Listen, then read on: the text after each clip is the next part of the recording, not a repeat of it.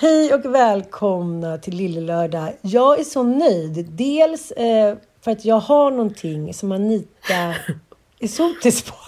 Du är sotis.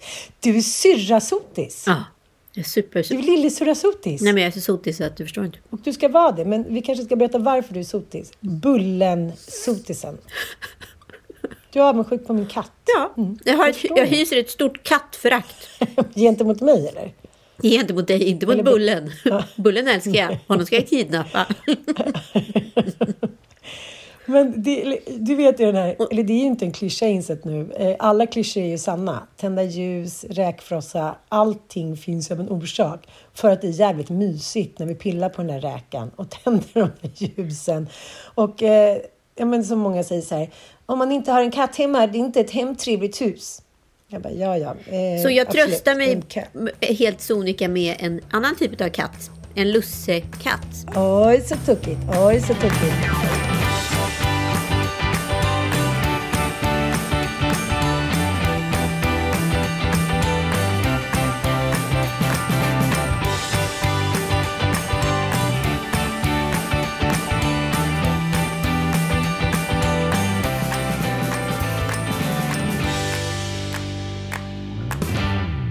Vi börjar med Bullen då. Bullen är ju eh, eh, nu en del av vårt liv. Han har ju varit här i sex veckor. Det känns som han alltid är här. Han är på olika ställen, eh, går omkring.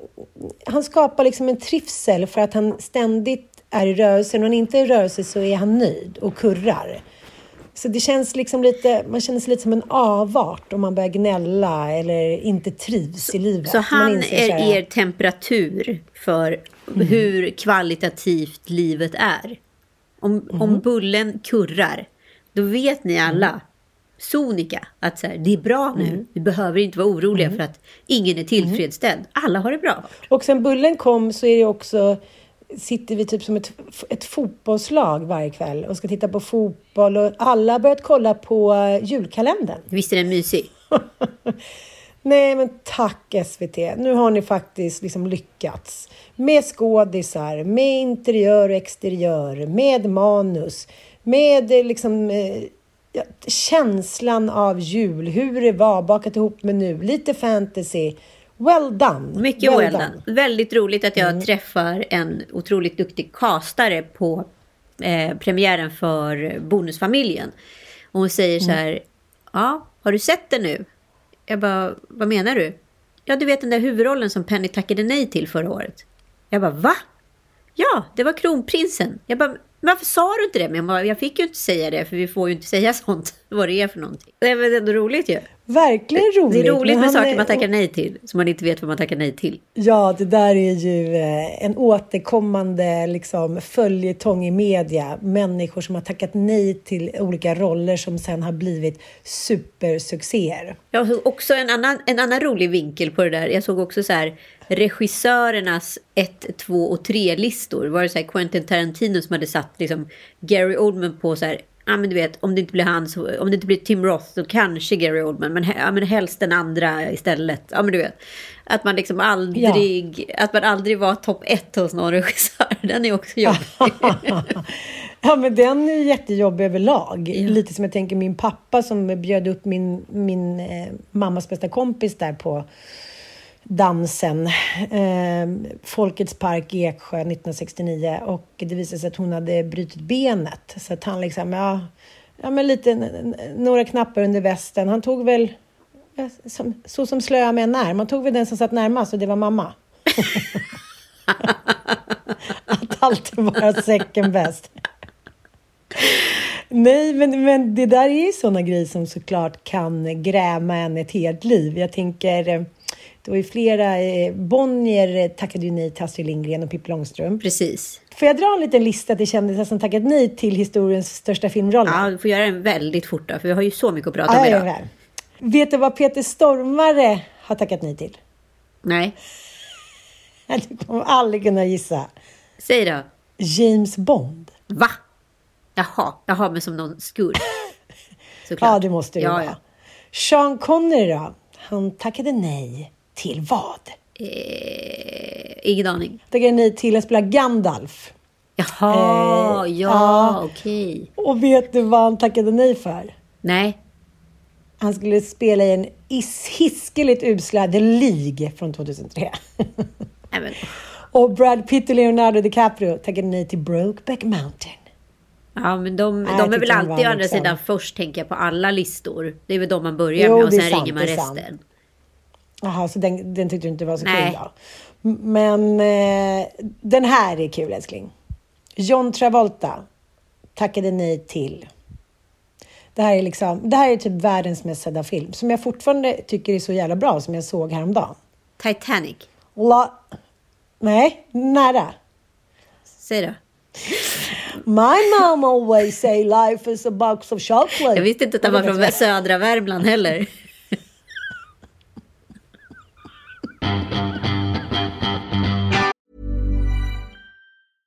Mother's Day is around the corner. Find the perfect gift for the mom in your life with a stunning piece of jewelry from Blue Nile. From timeless pearls to dazzling gemstones, Blue Nile has something she'll adore. Need it fast? Most items can ship overnight. Plus, enjoy guaranteed free shipping and returns. Don't miss our special Mother's Day deals. Save big on the season's most beautiful trends. For a limited time, get up to 50% off by going to Blue BlueNile.com.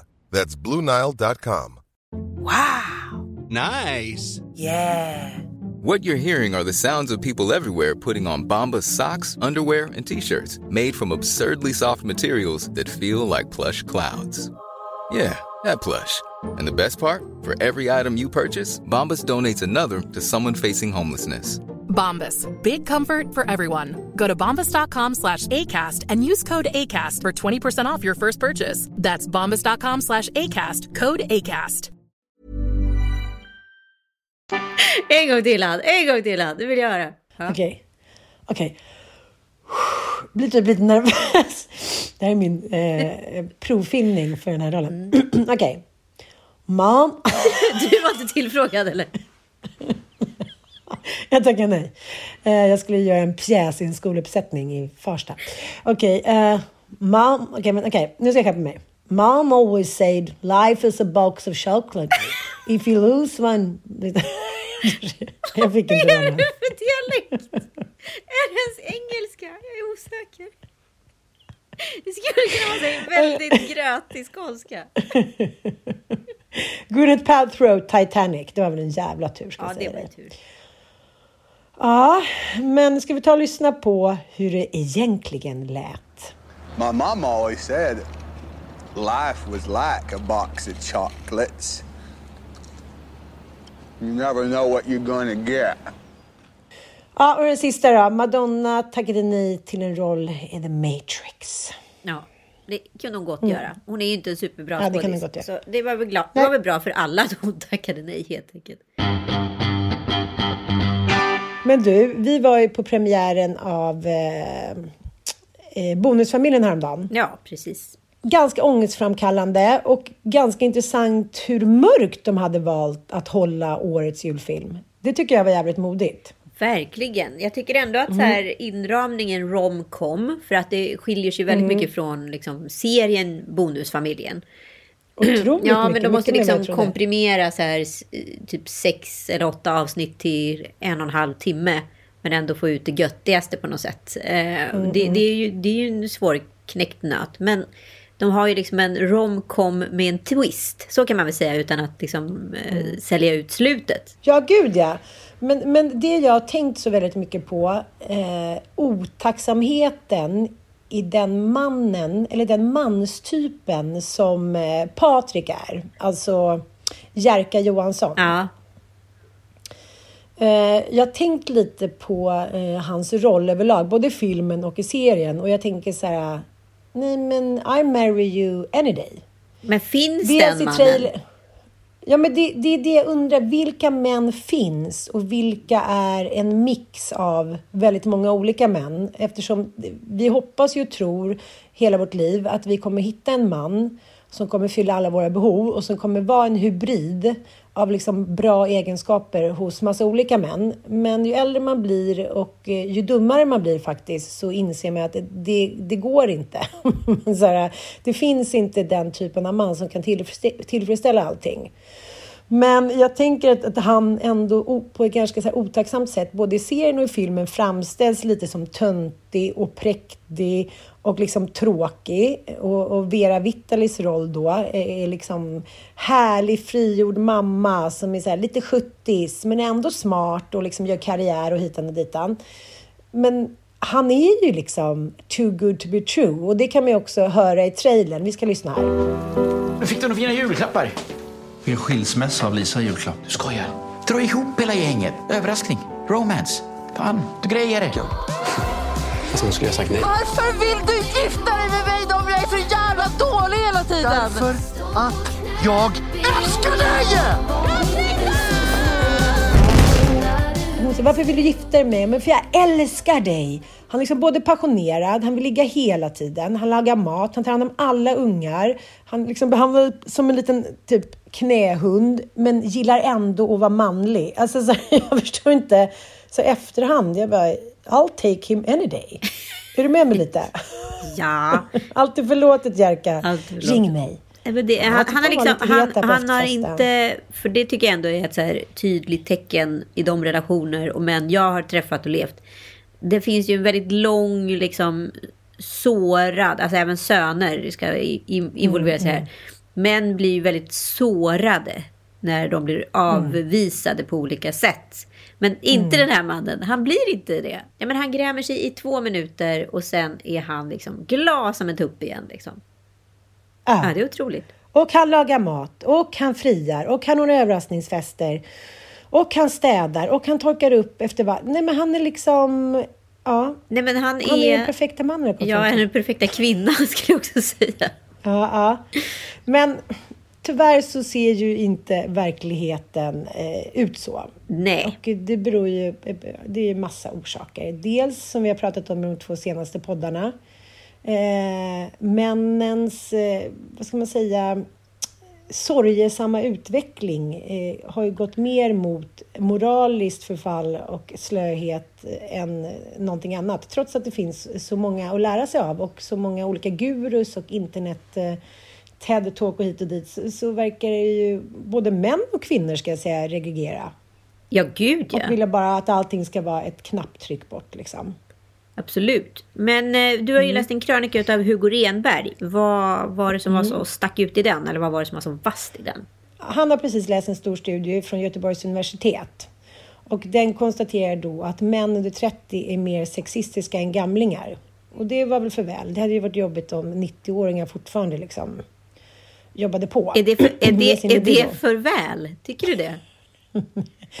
Nej, men det hade ju varit ändå lite jobbigt. Jag menar inte att det är bra att de är mer sexistiska än gamlingar. Man tänker att det borde gå åt andra så... hållet, men det gör det inte. Alltså. Nej, men jag menar sexistiska, de får ju vara sexuella, men det är i och för sig två olika saker. Men okej, okay. hur som helst, eh, det skriver Hugo då att det är en tråkig utveckling eftersom logiken säger att det, just att den nya generationen ska stå för progressiviteten, inte tvärtom. Och då eh, pekar forskarna på några faktorer att i regioner där arbetslösheten ökat mest slår den moderna då så kallade sexismen i taket. Slutsatsen då enligt forskarna är att de unga killarna betraktar kvinnor som karriärblockerare. Det har vi också pratat om förut. Jaha, okej. Okay. Ja, men det är jättetråkigt. För om tjejerna inte är hemma och liksom eh, tar hand om killarna då kan inte, och barnen, då kan inte de jobba. Det är lite som han, eh, kingen i Gävle som eh, berättade då. Åh, jag får inga tjejer för jag röstar på SD. Och så tänk, tittar man på honom. Eh, och det är inte bara SD som är mm. problemet i ditt fall. Mm. Om du hade sett ut som Brad Pitt och varit liksom eh, och kört omkring i en Porsche och haft ett bra jobb, då hade kanske inte lika många brytt sig om att du röstade på SD. Eftersom 25 procent av Sveriges befolkning gör det. Ja, och nu kommer vi tillbaka till eh, olika förklaringar då. Och Hugo Renbergs då lätt Sivert Öholm-anstrukna teori som man säger. Sivert Öholm var en programledare som drog liksom egna slutsatser. Lite enkla ibland kanske, men hur som helst. Det var ju på, den här, tiden, det var ju på den här tiden tv fick moralisera och själv komma med någon form av konklusion. Precis, att man, liksom, man som programledare, idag måste ju programledare eh, vara helt neutrala. Exakt, och det De är väl egentligen den, den rollen en programledare ska ha. Det ska ju bara vara liksom en, någon som modererar ett samtal. Men på Mm. den tiden var det inga problem för en eh, man i ett debattprogram på bästa sändningstid att dra egna slutsatser och då formulera en åsikt åt svenska folket. Så här ska ni känna Ja. och tycka. Exakt. Eh, Och killgissa. Eh, Men, men skillnaden var att idag kanske man tänker så här, där står Sivert Öholm och killgissar.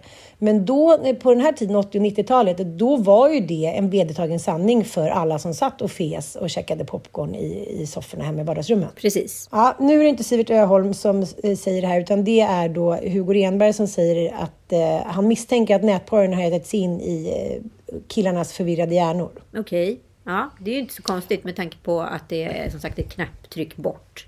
Det var ju lite, det var ju lite svårare på vår tid att få tag i porr. Nej, men jag kommer ihåg, vi hade ju ett ställe i fjällen. Ja.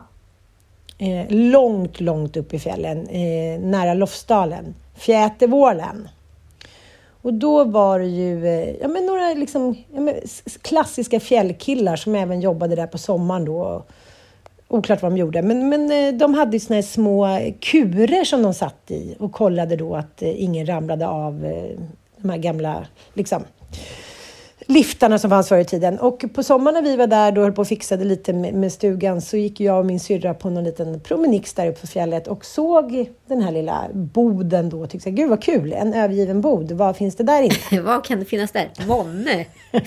Var inte alla, var inte alla bodar, eh, vad ska jag säga, jägartorn etc. Liksom, eh, rena små porrfabrikerna? Ja, det var ju där det samlades liksom. Och det var ju ingen som sorterade bort det efter så här, eh, när snön smälte, utan det låg ju där som ett litet minne över den uttråkade svenska mannens runk. Jo, men jag tänker också säga. att det måste funnits en sån otrolig USP i. Folk säger att så här, vad är grejen med att vara jägare? Det är så många timmar man bara sitter på pass. Halva nöjet måste ju också varit att kolla porr. Ja. Eftersom inte porren var så an, liksom, tillgänglig som den är idag. Idag har du ju porren i telefonen om du vill. Precis. Och där var då eh, liksom, ja, som deras sista bastion att ingen kärring som kom och störde, inga ungar som liksom skulle snytas. Och det, det, det är ju väldigt, liksom, tycker jag, tidsdaterat när man kollar på gamla Seinfelds av, avsnitt. Hur liksom kvinnor framstår som några som kommer och förstör deras liksom unkisvardag. Exakt. Kan vi få in, Ja. Magnus, kan, vi, kan du lägga in Runky Balle här utav eh, Eddie Meduza?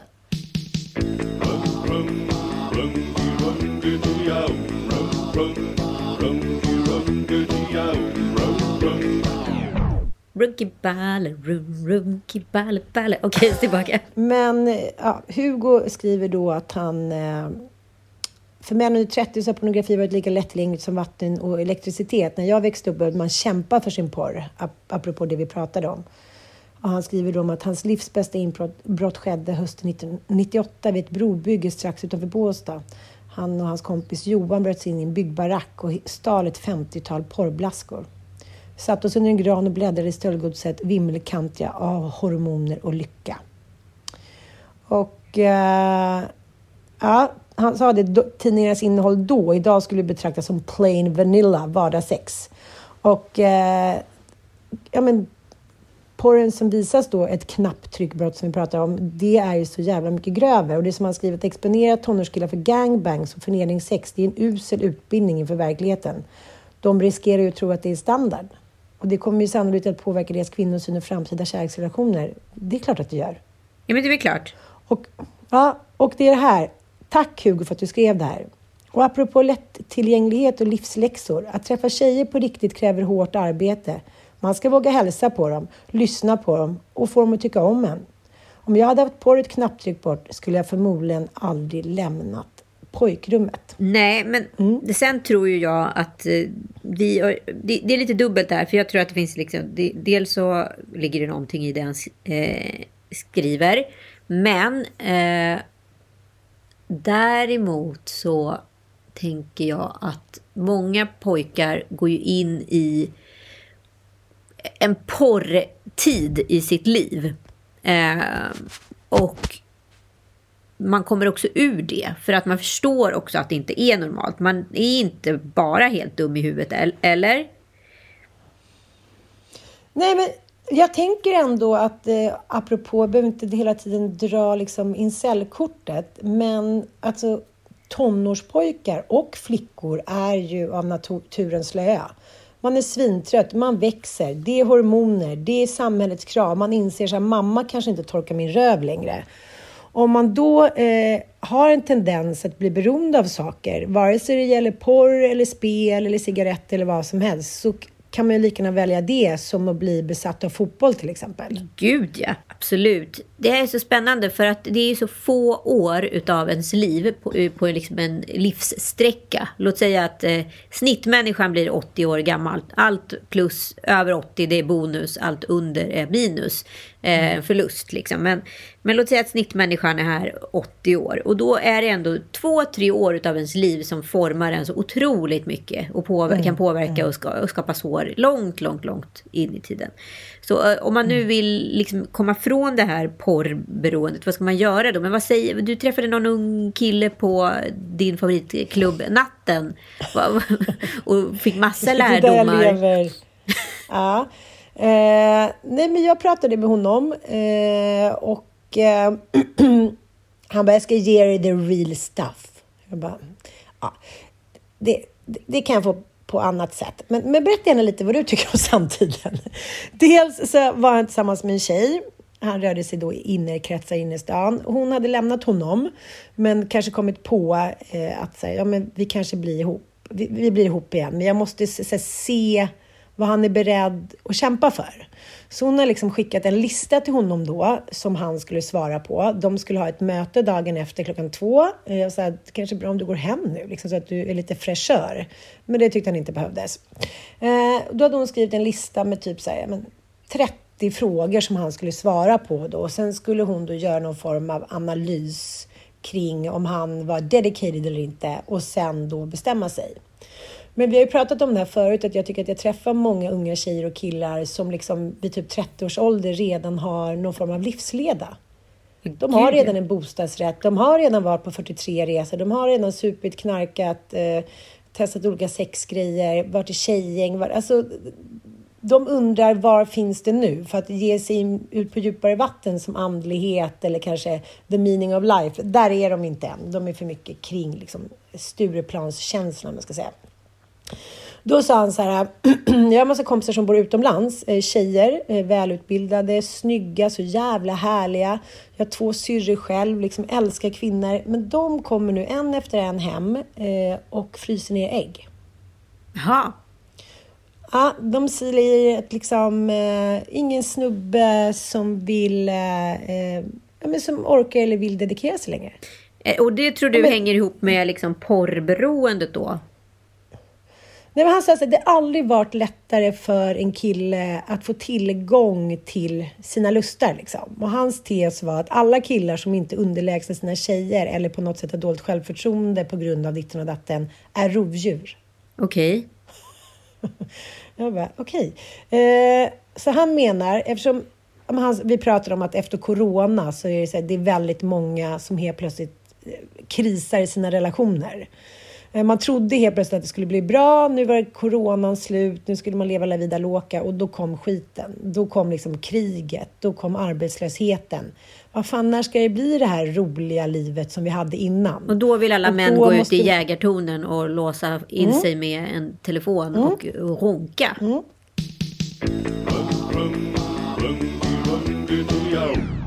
Mm, för man orkar inte göra det där sista jobbet. Man orkar inte vara den där mannen som liksom fram till 70-80-talet var så här, okej, okay, vi kammar och skaffar ett jobb, tar hand om vår familj. Men för, kan, får jag bara, mm. bara, säga tillbaka till den här flickvännens lista. Den är också spännande. För mm. här är det ju någon mm. form av så kommunikationsbrist och, och, vad ska jag kalla det för? Eh, ansvarsbrist som liksom uppstår de här två emellan. För att Många tjejer idag har ju också en idé om sina snubbar att de ska vara den perfekta partnern, de ska gilla samma saker, de ska ha samma värderingar, de ska eh, vara superbra Vara roliga. föräldrar, de ska göra en exit eller vad fan de nu ska hitta på för någonting. Det ska vara... Exit, världens, säm- världens vidrigaste ord. Jag orkar, inte höra det en gång till i mitt liv. Han har gjort exit. Då gjorde de exit. Jag kommer inte göra exit. Det stod Nej, exit på såna här skyltar vet du, förr i tiden när man gick ut från så biografer. Nu står det så nödutgång, men då stod det exit.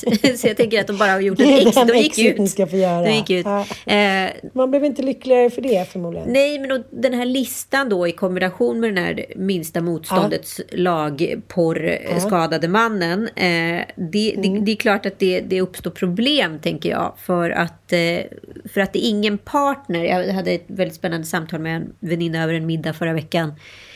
Där hon här, klagade lite på sin man som eh, hon upplevde då inte tyckte det var lika kul med utlandssemester som hon gör. Och de har varit par i, ja men låt säga fyra år ungefär.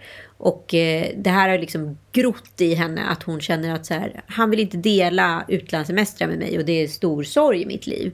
Och då, då har jag ju liksom en partner som såklart det tog rätt lång tid att acceptera, det ska jag vara tydlig med, men att han inte alls har samma liksom sociala eh, liksom sug som jag har.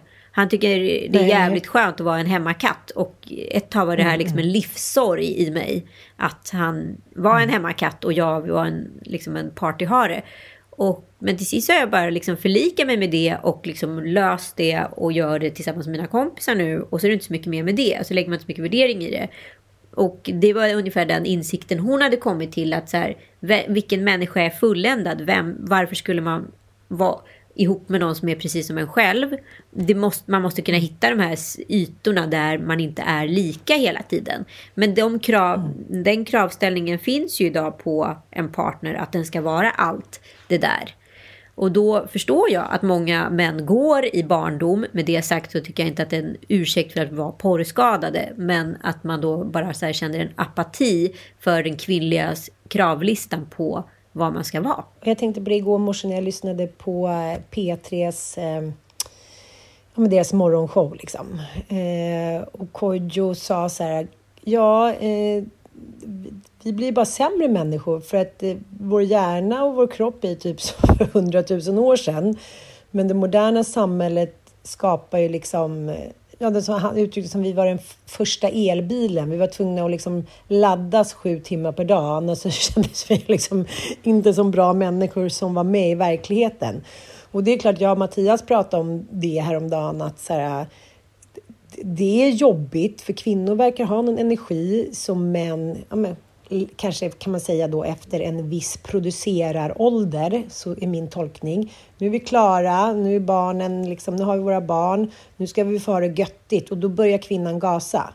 Jag tänkte på det när jag var på den här eh, nattklubben Natten då. Eh, natten är ju en, eh, en klubb i, i Stockholm, i Slakthusområdet, där, ja, men, där de bara spelar powerballader. Och det är liksom tusen kvinnor och eh, en hel del män, men mest kvinnor och i alla åldrar. Och då tänkte jag på det när jag var där i lördags, att det var väldigt mycket kvinnor mellan 40 och 50, men inte så mycket män. Nej, där är killarna tjej- lite yngre nej, va? Precis. Ja, där är killarna liksom mycket yngre och eh, tjejerna går ju dit i stora, liksom, vad ska man säga, horder av kompisgrupper. Silla var ju där, Frida var där. Vi står och dansar med varandra. Vi, dricker, alltså, vi bryr oss inte så mycket. Vi vill bara ha en härlig stund tillsammans, brudarna liksom. Men jag har väldigt svårt att se så här 10-50-åriga gubbar stå ner på dansgolvet och få liksom en drink över sig och dansa i någon form av liksom gruppkram. De, Det de, är de vara många- hemma och är runka istället. Om de får ut Men till, till nätporr.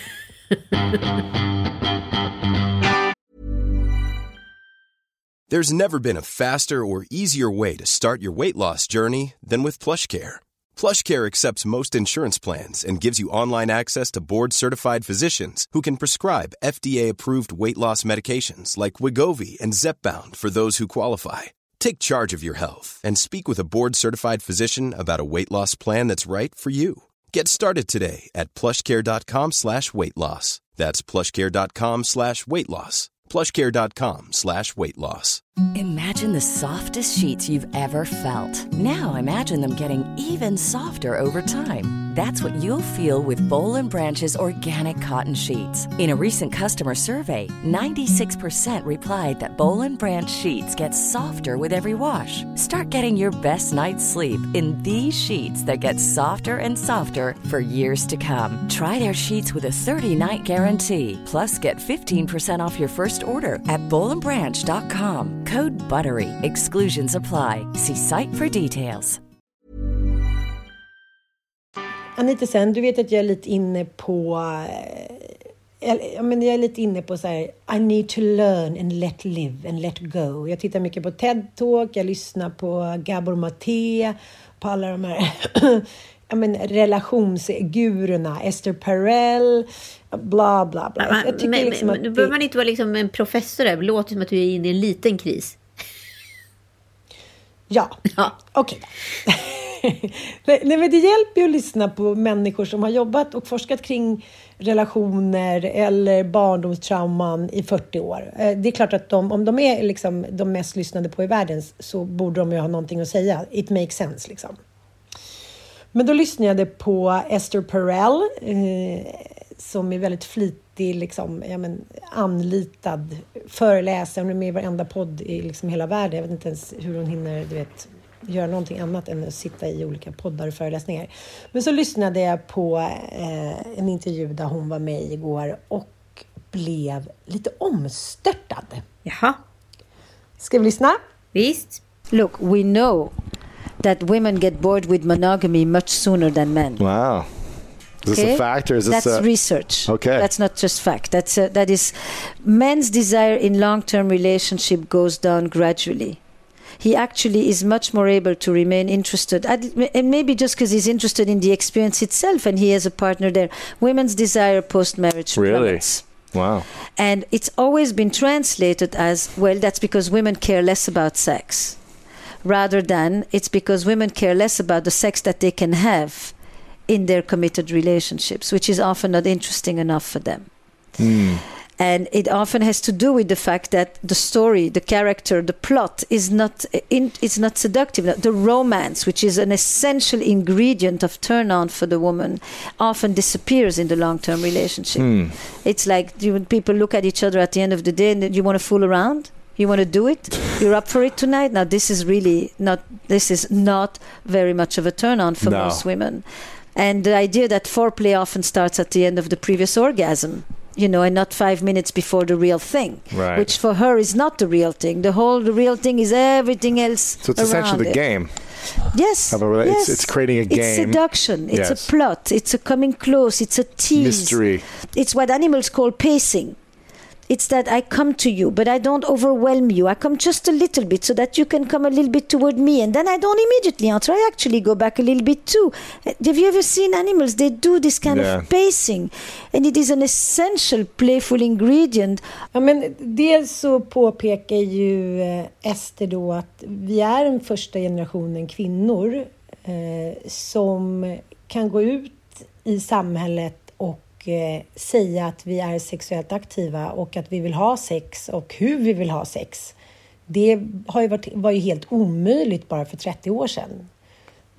Dels beror det ju såklart på att vi är ute och jobbar och sen att p-pillret kom, men också att så här, ja, men kvinnor tar för sig mer. Och då menar hon på, som hon säger här, att kvinnor tröttnar mycket snabbare på sex i en monogam relation. Ja.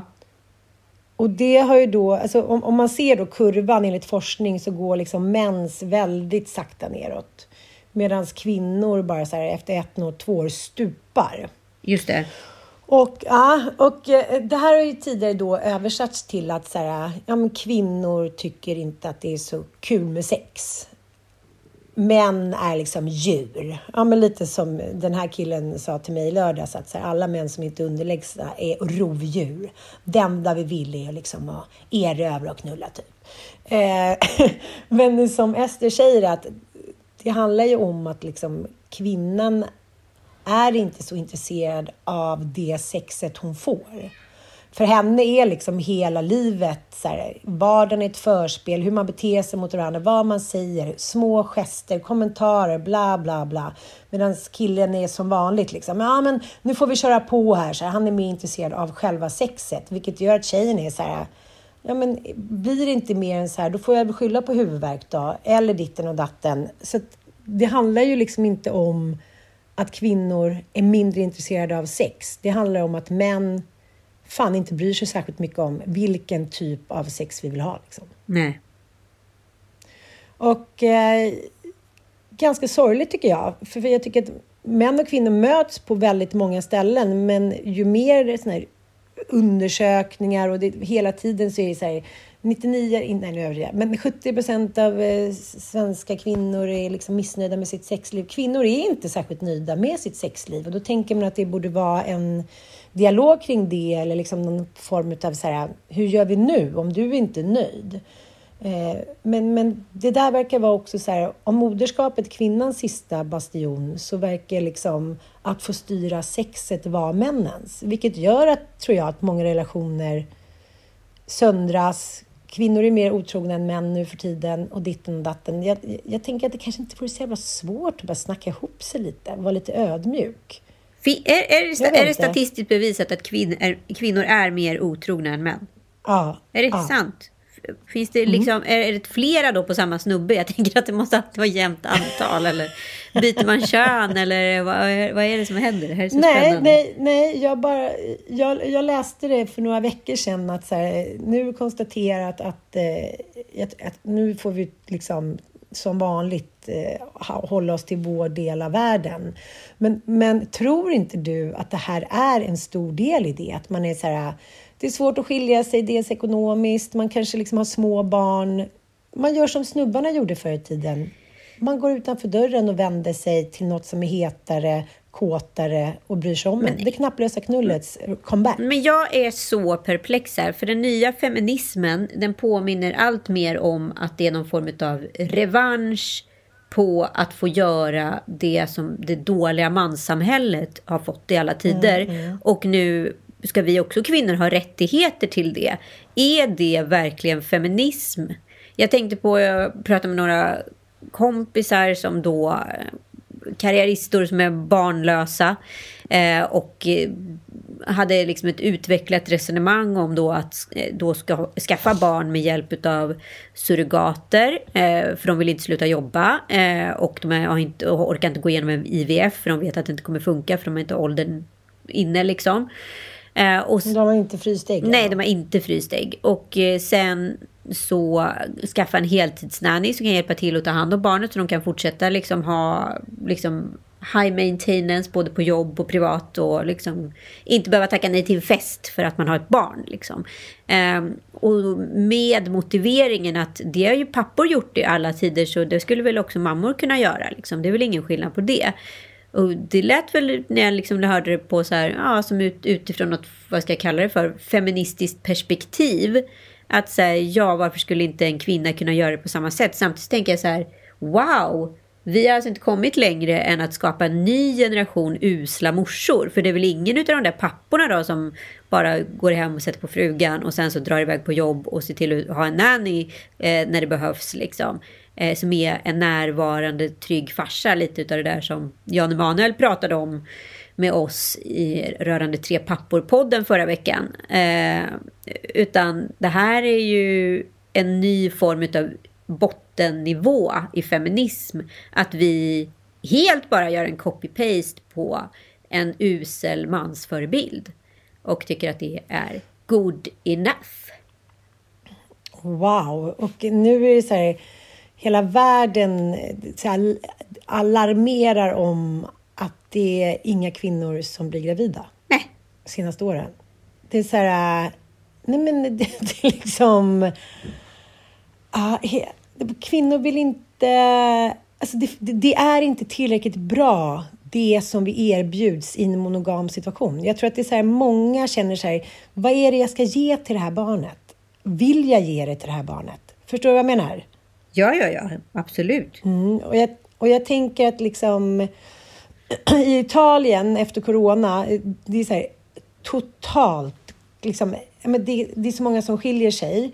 Uh, och även i Sverige och liksom, men överallt så har ju nu, nu har det kommit i fatten. Alla professorer och allting undrar varför sker det inte 2021? Varför sker det inte? Men nu verkar det som, har hänt, som att det har hänt. Jo, men det hänger väl ihop med att samhällena blir allt mer sekulariserade och så länge inte Gud har makten över äktenskapet mm. eller mannen, då finner inte kvinnor mm. någon, någon motiv för att faktiskt vara kvar.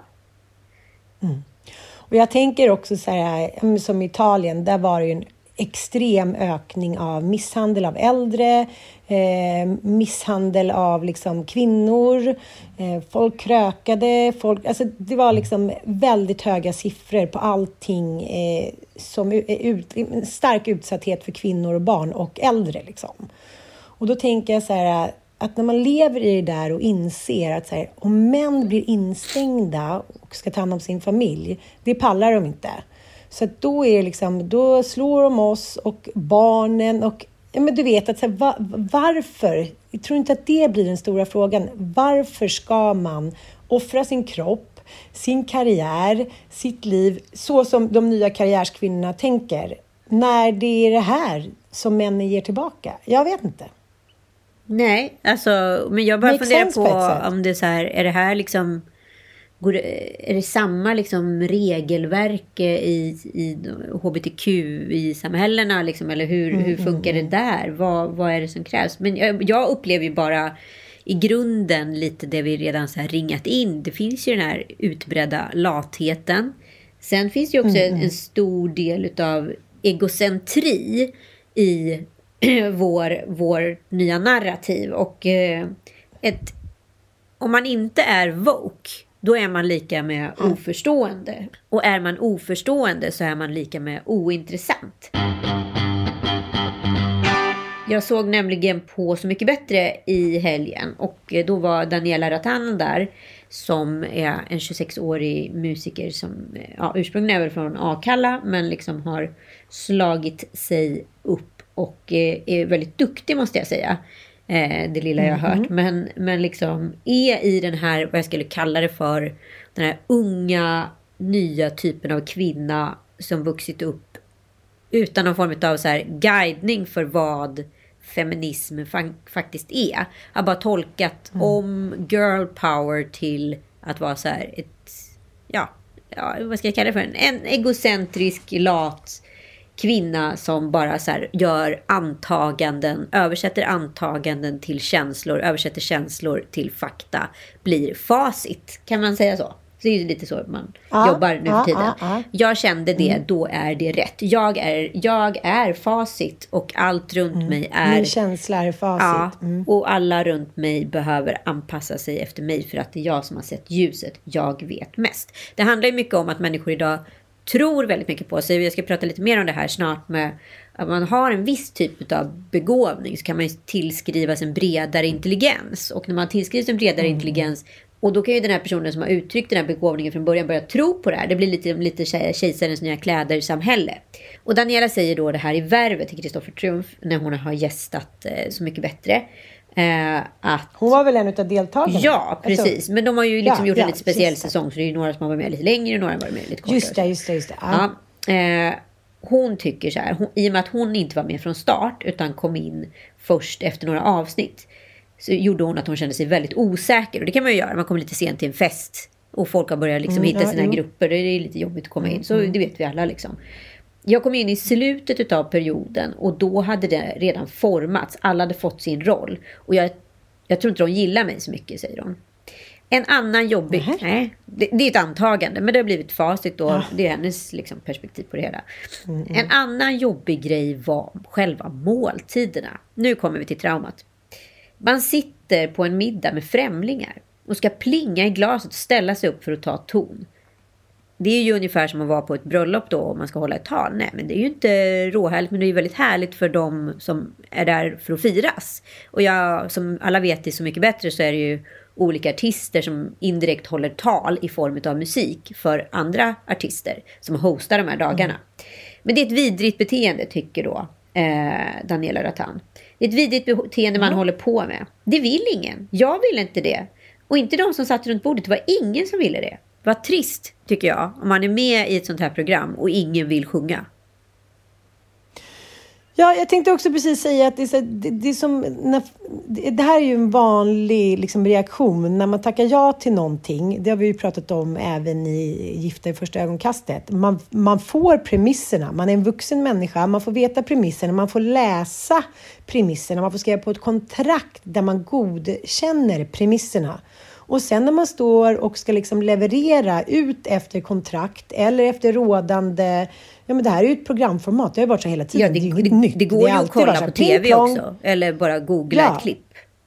Ja, man till då det. så blir man ändå sårad och tycker så att man har varit tvungen att gå emot sina egna... Göra våld på sig själv är ett väldigt populärt uttryck just nu. Ja, och sen upplever hon också ah. att det fanns folk som grejer sa, som för mig lät helt sjukt, saker som inte var så politiskt korrekt. Lite sexism Nej. och så. Hon vill inte utveckla vad det handlar om. Men hon, det, det ser man ju tydligt i programmet att det handlar ju om Nordman då. Som är då mm. två män och vi vet väl att Håkan har haft liksom mycket problem med droger och bland annat heroin under mm. sin, sitt liv. Men liksom lyckas vända på det här på något bra sätt. Det kommer från helt olika, de är från Gävle tror jag. Och eh, helt olika samhälls eh, demografiska samhällsgrupperingar rent geografiskt men också att de, så här, de har en annan typ av ekonomi, de har en annan typ av livssituation, de är en annan typ av generation. Men istället för att liksom så här, kunna vara nyfiken på eh, andra generationer och andras liv så upplever mm. man då utifrån ett 26-årsperspektiv att man blir att det är sexistiskt. Man kan, inte tolka, man kan inte tolka det sammanhanget man är med i och se det som något spännande och ställa en fråga. Utan Nej, istället fattar, se något kränkande och eh, läskigt. Mm, mm. Vi ska lyssna lite på ett klipp här. Jag var lite, så här, jag var lite typ rädd för er mm. till en början. För jag tänkte att ni hade lite så här rasse-vibe going on. Om jag ska vara mm. ärlig. Ni liksom... Men allt utom det kan Ja, ja, det är så långt bort från oss som vi bara kan komma med ja, men Ni har väl blivit lite men, men däremot med den så, så på 90-talet när vi slog igenom Mm. Sen klipp till eh, den här nya feminismen som är så spännande. Eh, för Daniela gästar samma vecka som det här programmet sänds. Eh, så gästar hon Biancas talkshow där Fredrik Wikingsson är gäst. Och då pratar Fredrik Wikingsson om sin pappa. Men jag, jag, hon gick hon och naken hemma också mormor? Nej. Som min pappa? Nej men jag, jag ah, han gjorde det. Men det där är så grovt. Va? Det är jättegrovt. Det är jättegrovt. Hade han stor kuk? ja, ganska. Ah. ganska. Men jag, för det där för mig är en helt rimlig fråga också. alltså var, varför ska det vara så himla... Kommer men förstod vara... du det när du var liten?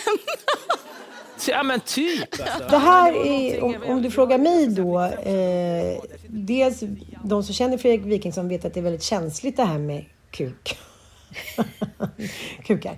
Eh, och dels är det så här, eh, den här feministiska delen av henne där allting kändes obehagligt och folk inte var politiskt korrekta. Så här, det gäller ju bara när man själv blir utsatt. Just det. Och det tycker jag är så jävla tydligt tecken för den generationen. Att så här, man kan köra på, man liksom, det var ju bara kul. Men sen när man själv ska liksom på något sätt, vad ska man säga, dela med sig av någonting som inte är ens egna leverans, då tar man det personligt, man känner sig utsatt, någon har liksom krävt saker man inte har gått med på. Det är verkligen... Eh, jag tror inte att det, det, finns så mycket sorterat där inne. Det är liksom mycket som läggs på hög. Och sen så blir det bara känslor allting och man vet inte vad som, eh, vad som är rätt och riktigt. Kan man säga så? Nej, men som jag tolkar det är det så här att i grunden så handlar den nya feminismen om att ingen får vara icke-woke till kvinnor. Nej. Men att kvinnor då får vara grova, sexistiska, vidriga, sexualiserande, tafsiga och så vidare. Det är inga problem alls. Och då är vi tillbaka Nej. på den här, den nya feminismen är alltså i grunden att vara en usel snubbe. Eller? Jag kan inte tolka det på något annat sätt. Ja, nej, men jag tycker att, oh, gud, nu, nu fick jag en sån insikt, Anita, sen. Ja, men, liksom så här. Kan jag få lite fiol, Magnus? Det är inget konstigt om vi kvinnor vill leva som männen har gjort tidigare. Dels som någon form av förmodligen undermedvetet hämndbehov. Dels för att vi kan. Dels för att liksom snubbar har väl aldrig behövt så sy en muffig för att man har liksom fått någon förlossningsskada eller varit nära att dö. Liksom, vi, vi, om vi inte behöver gå igenom den där kvinnoskiten så kan jag förstå att kvinnor väljer att inte göra det. Det är inte romantiserande längre att vara en sliten kvinna som står upp för sin familj. Förstår du? Nej, men får man kravställa en generation män eh, idag, alltså jag tänker på unga pojkar, att vara som eh, könslösa enucker samtidigt du själv vill aspirera på att vara en svinig man. För att du vill hämnas deras generation farsor. För att de eventuellt har gjort fel som inte samhället hade satt fingret på då. Mm, den är mm. så jävla svår den här. För jag kan ju någonstans känna så här, mm. en upprättelse. Men samtidigt så riktas ju upprättelsen åt ett felaktigt håll. Ja, nej, men, men jag håller med. Och jag, jag läste en... Eh, Elena Grill heter hon. Hon är en terapeut i Italien som vi pratade om i Italien innan där skilsmässorna har gått upp otroligt mycket efter corona. Och det konstateras att såklart att i, i mindre städer i Syditalien så eh, skiljer man sig i mycket mindre utsträckning än i städerna. Och det följer ju liksom naturens lagar. att där det finns större social acceptans och där man kan få en annan sorts hjälp så, eh, så är det såklart steget lättare att, liksom, att lämna det som inte är bra. Men det som jag tror hände under pandemin över hela världen var dels fick vi jävligt mycket mer större arbetsbörda eh, utgår jag ifrån och liksom enligt mig själv att det är så här, fortfarande är ju en kvinnas roll att hålla ihop familjen tycker jag. Eh, men outtalat, känner inte du så lite grann också? Att så här, när det blir kris, då är det ändå på något sätt kvinnan som ska se till och lappa asymmetrisk kärlek som vi har pratat om. Se till att det inte blir så stora liksom, slitningar mellan familjen, instängda i ett hus eller i en liten lägenhet, bla bla bla bla. Och eh, sen när man vaknar upp till det och vaknar upp till samhället så inser man sig, jag vill inte ha den här arbetsbördan längre. För det, är liksom det jag får tillbaka är inte i paritet med det jag ger. Och det här ser väl de här karriärkvinnorna också, bara säga what the fuck, jag låter någon annan bära det här barnet. Jag gör som snubbarna aldrig gjort. Jag är den nya snubben. Man kanske inte ens reflekterar så. Man kanske bara tänker så här, jag är den moderna kvinnan. Förstår du vad jag menar? Ja, precis. Men uh, ja. ja. Nej, men... Och det som händer tror jag också är så här, det, det är trauman hela tiden nu.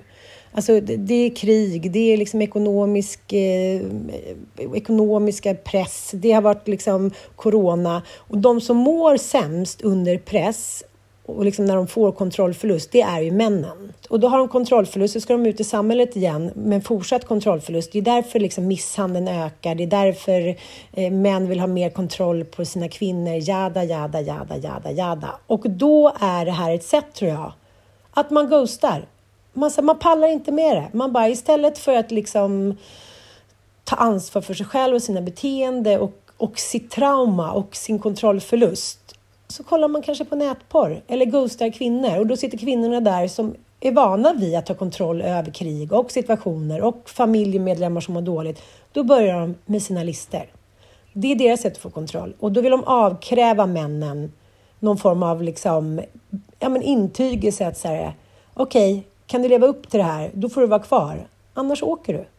Och det är ju någonting som är helt jävla nytt.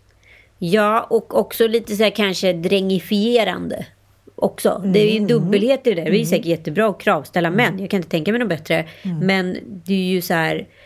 Sen med, med liksom facit i hand så har vi sett eh, tre pappor och Axel i, mm. i Gift vid första ögonkastet. Och det där är ju kravställda män. Så kan vi väl säga. Alltså antingen kravställda ja, från samhället. det verkar ju inte leda till någonting bra. Nej. Alltså, det, har du någonsin varit med om en man som har kravställt dig och skickat någon lista? Nej. har jag aldrig varit med om. Jag hade nog mått väldigt bra av det. Jag hade nog mått väldigt bra av det. Jag hade också blivit så chockad tror jag. Att få en lista ja. där jag är, ska spesas på vad jag gör bra och dåligt. Ja. Som någon form av ja. recension. Så jag har svårt att se hur jag själv skulle kunna gå vidare i den relationen. Men det verkar inte något konstigt för kvinnor att göra det till män. Eh, att den... Men hade du svarat? Hade du ens svarat? Nej, men jag, det, det hade smärtat tror jag otroligt mycket, men kanske på ett bra sätt. I don't know. Men jag hade blivit så fruktansvärt eh, förolämpad så det är så svårt att se hur jag och varför den här relationen skulle fortsätta fungera. För att varför skulle, man, varför skulle jag vilja leva enligt en mall som någon annan har utstakat är facit. Mm. Men jag läste någon artikel häromdagen eh, av en man som sa aldrig, aldrig varit så lycklig i hela mitt liv som nu, när min kvinna stakar ut exakt vad jag ska göra. Men jag tror att det här är manligt kvinnligt. Jag känt med rådvill. Ja. Jag tror att män är fullt accepterande av listor på ett sätt som kvinnor aldrig skulle kunna mm. motta en lista från en man. För jag, jag tror män i grunden är... Det, det, fanns, det finns ju liksom olika behov varför människor är i relationer. Kvinnor är ju i en relation för att känna kärlek, trygghet och, och liksom bli omhuldad. Under tiden en man många gånger väljer att leva tillsammans med en kvinna för att det är en praktisk lösning. För att den inte liksom orkar mm. dra det sociala lasset eller vad det nu är och så vidare. Ja, Esther Perel vittnar om det. Så här, nej, tjejer tycker att det blir tråkigt med sex efter ett tag för att snubbar bara gör det på rutin. Sprut, skjut, sprut, lyckligt slut. Ja. Det, liksom, det är någon, en röd tråd som går genom liksom, kvinnans och mannens relationer. Och det var så intressant som han skrev. Han sa, jag har, alltid, jag har aldrig varit särskilt säker på mina, min roll, vem jag ska vara. Nu har jag liksom en helt fantastisk kvinna som älskar mig. Bara det har gjort att jag har en sån egoboost. Jag har liksom två fantastiska barn. Ge mig listan bara. Ge mig skiten. Jag gör vad fan du vill. Bara jag får vara i det här. Det är en annan förlängning av eh, Jan Emanuels, tycker jag också lite eh, åsikter att säga ja, ja, man biter ihop och gör det som krävs. Sen kan man dricka kaka och lipa och vad fan man nu vill. Men först gör man sin lista. A lot can happen in the next three years. Like a chatbot may be your new best friend. But what won't change? Needing health insurance. United Healthcare Tri Term Medical Plans are available for these changing times. Underwritten by Golden Rule Insurance Company, they offer budget friendly, flexible coverage for people who are in between jobs or missed open enrollment. The plans last nearly three years in some states, with access to a nationwide network of doctors and hospitals. So, for whatever tomorrow brings, United Healthcare Tri Term Medical Plans may be for you. Learn more at uh1.com. Hi, I'm Daniel, founder of Pretty Litter. Did you know cats tend to hide symptoms of sickness and pain? I learned this the hard way after losing my cat, Gingy. So, I created Pretty Litter, a health monitoring litter that helps detect early signs of illness by changing colors, saving you money and potentially your cat's life. Pretty Litter is veterinarian developed, and it's the easiest way to keep tabs on your fur baby's health right at home. Go to prettylitter.com and use code ACAST for 20% off your first order and a free cat toy. Terms and conditions apply. See site for details. Den listan verkar inte Kanye West ha gjort. Stackarn, kan vi inte bara så låsa in honom ett tag och ge honom lite kärlek och medicin? Jag vet inte. Det, det, det är synd om alla inblandade på något sätt. Barn, han, ja, Jag tycker det är så spännande världen. också hur mycket det här kommer eller har eventuellt eller stärkt eh, Kim Kardashians varumärke. Mm.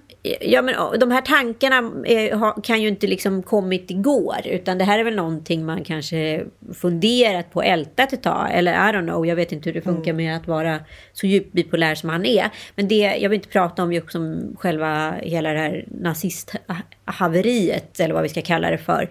Jag skulle vilja prata om... Eh, dels finns det ju liksom en utvecklad antisemitism bland många, många, många vad ska jag säga, konservativa men också finns det en utvecklad antisemitism bland många afroamerikaner och vilket allt mer mm. bubblar upp till ytan. Eh, NBA-stjärnan Kyrie Irving eh, som spelar för Brooklyn Nets, han har ju varit avstängd i åtta matcher för att han liksom också har då yttrat sig kontroversiellt och väldigt antisemitiskt. Eh, jag, är, jag är väldigt dubbel här till om det här är rätt väg att gå. Att hela tiden cancellera, cancellera som alla håller på med. Liksom. Lär man sig någonting utav det? Nej, det, vet, det bevisar ju all vetenskap och forskning att man inte gör. Liksom.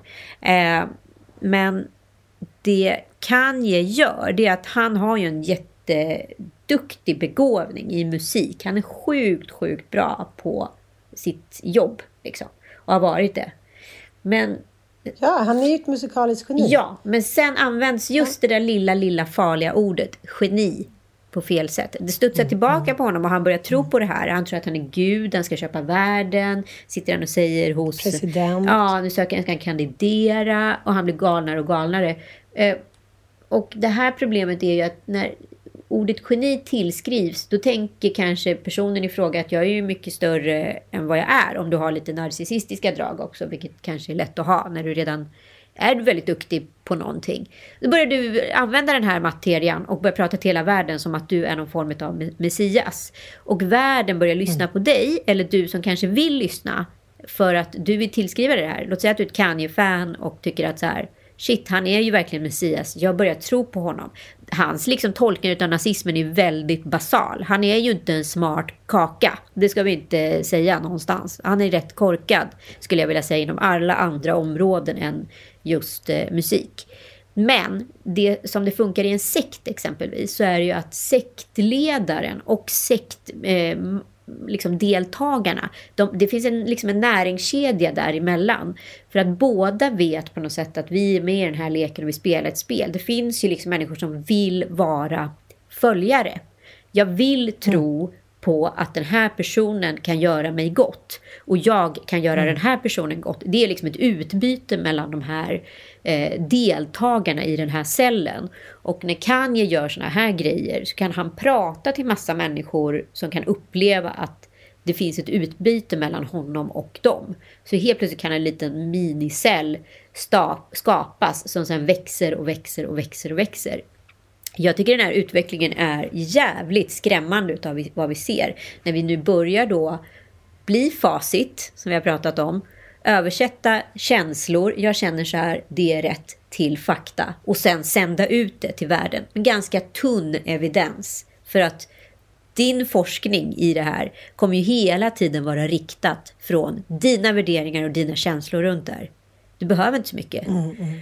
Och nu har vi liksom skapat en helt ny liksom, mini-furstendumsskap utav mm. idioti. Det här är ju någonting, så här, historier om framstående personer som liksom eh, håller idén om kreativitet och galenskap. Det, de är genier och därför blir de maniska och därför så, så blir det så här, det är inte deras fel liksom. Men, men eh, jag vet inte. Det, Inget stort geni utan ett stort galenskap, sa ju Aristoteles. Men det är som du säger, när det går över till att det ska rädda världen, eller att människor på något sätt ska följa den här personen, då blir det ju riktigt, riktigt farligt. Liksom. Och eh, det är som du säger, han är ju bipolär och eh, under så här milda maniska perioder så, så är ju många som mest kreativa. Det, det har ju liksom forskning konstaterat, men den där lilla gränsen när kreativiteten blir mani och galenskap, den håller ju inte liksom han koll på själv. Och världen ser ju inte den lilla nyansen heller, utan de tycker så här, nu kommer någon ny, nu kommer frälsarens nya ord liksom. Hur galna de än är så, så tuggar man i sig dem med hull och hår. Är det så du menar? Ja, men precis. Alltså, det uppstår ju en kittling mm. runt hans eh, persona. Liksom. Och även om du så här, vill kolla på vansinnet bara för att så här, se när det skenar så är det ju väldigt många som mm. kollar på vansinnet och känner så här, hmm, maybe he's right. För att mm, folk har ju mm, också ja. blivit så fruktansvärt historielösa i det här liksom, informationssamhället. Det finns liksom mm. ingen inget intresse för evidens eftersom det finns otroligt mycket evidens. Är... Man orkar liksom inte leta reda på eh, den där nålen i höstacken. Så man, så här, om man beundrar någon, då får den vara sanningssägaren utan, och vara helt omotsagd. Exakt. Så därför skapas mm. hela tiden små mikrosekter utan att vi tänker på det. Och de här mm. ytorna ges ju hela tiden. Jo, men jag tänker liksom eh, en stor orsak till att här, Hitler kunde eh, på något sätt sväva fram efter första världskriget är ju att hela Tyskland var i spillror och pengarna devalverades, ingenting var värt någonting och alla sökte. Många fäder och söner, alla hade liksom dött i krig. Så alltså man, man sökte ju då en frälsare. Det spelade liksom inte så stor roll vad han sa. Nej. Utan man orkade inte heller efter all den här misären och liksom, man ville bara att någon skulle ställa något till rätta. Och det är därför jag tror att man ska, liksom, som du säger, dra öronen åt sig extra mycket när det har varit flera år av kris. För då orkar människor inte så här, ta reda på fakta, utan då vill man bara att någon människa som verkar stark, som man beundrar, kommer och räddar en och säger sanningen. det är väl samma sak här liksom. Ja. Ja, men jävligt eh, läskigt. Läskig utveckling. Men jag, mm. med det sagt så tycker jag så här... Män är så pass det är usla att kolla som... På nätporr. ja, precis. Det är enklare att kolla på nätporr, precis som Kanye gör då. Han är ju uttalad stolt porrmissbrukare. Eh, han gillar ju för sig de här gamla tidningarna. Jag kommer ihåg liksom det, det trasigaste momentet i han och Kims relation. Det var ju när hon la ut väldigt så här explicita typ hemmafotade nakenbilder på sig själv i väldigt, väldigt små bikinis som inte lämnade mycket till fantasin. Och la upp på sin Insta-story. Det var alltså runkmaterial för Kanye för det var sånt han gick igång på. Eh, och eh, sen så har hon ju i senaste säsongen av Kardashians eh, varit väldigt så här, jag har inte kunnat klätt mig själv utan Kanye, Kanye alltid veta bättre. Ja, oh, han tyckte jag såg ut som en billig hora. Alltså hon är så sjukt medberoende till honom så att jag är mer så här, eh, nu måste hon sluta skydda den här mannen snart för hennes liksom eh, någon form av marknadsvärde och framförallt för hennes barn, tänker jag. Mm. Men det här blir ganska intressant för att Eh, feminismen då fördömer det här eh, med nätporr och eh, porr och eh, liksom att kvinnor då ska vara tillgängliga. Men några av de största influenserna i världen lägger ju själv ut bilder som tangerar till hur kvinnorna ser ut i nätporr. Ja, exakt. Och jag tycker, svårt att navigera i. tycker det här hela liksom sexualiseringen av samhället och påståendet att kvinnor då bestämmer då de själva har, bär kameran i handen. Men när man hela mm. tiden då springer in i att så här, bidra till ett gammelvälde där porren och kvinnor illustrerar så här fast du gör det själv numera. Vad är det som är feministiskt anslag i det? Jag får liksom inte ihop den matematiken. Anita, kanske är det så att männen, de feministiska männen behöver skriva en lista till oss kvinnor där vi själva gör en liten analys på vårt eget beteende. Låter som ett otroligt plågsamt men mycket, mycket bra projekt och uppdrag för tre pappor att ta sig an. och Jan Emanuel. Tack för att ni har lyssnat. Tack för att ni har lyssnat. Puss och kram. Hej då.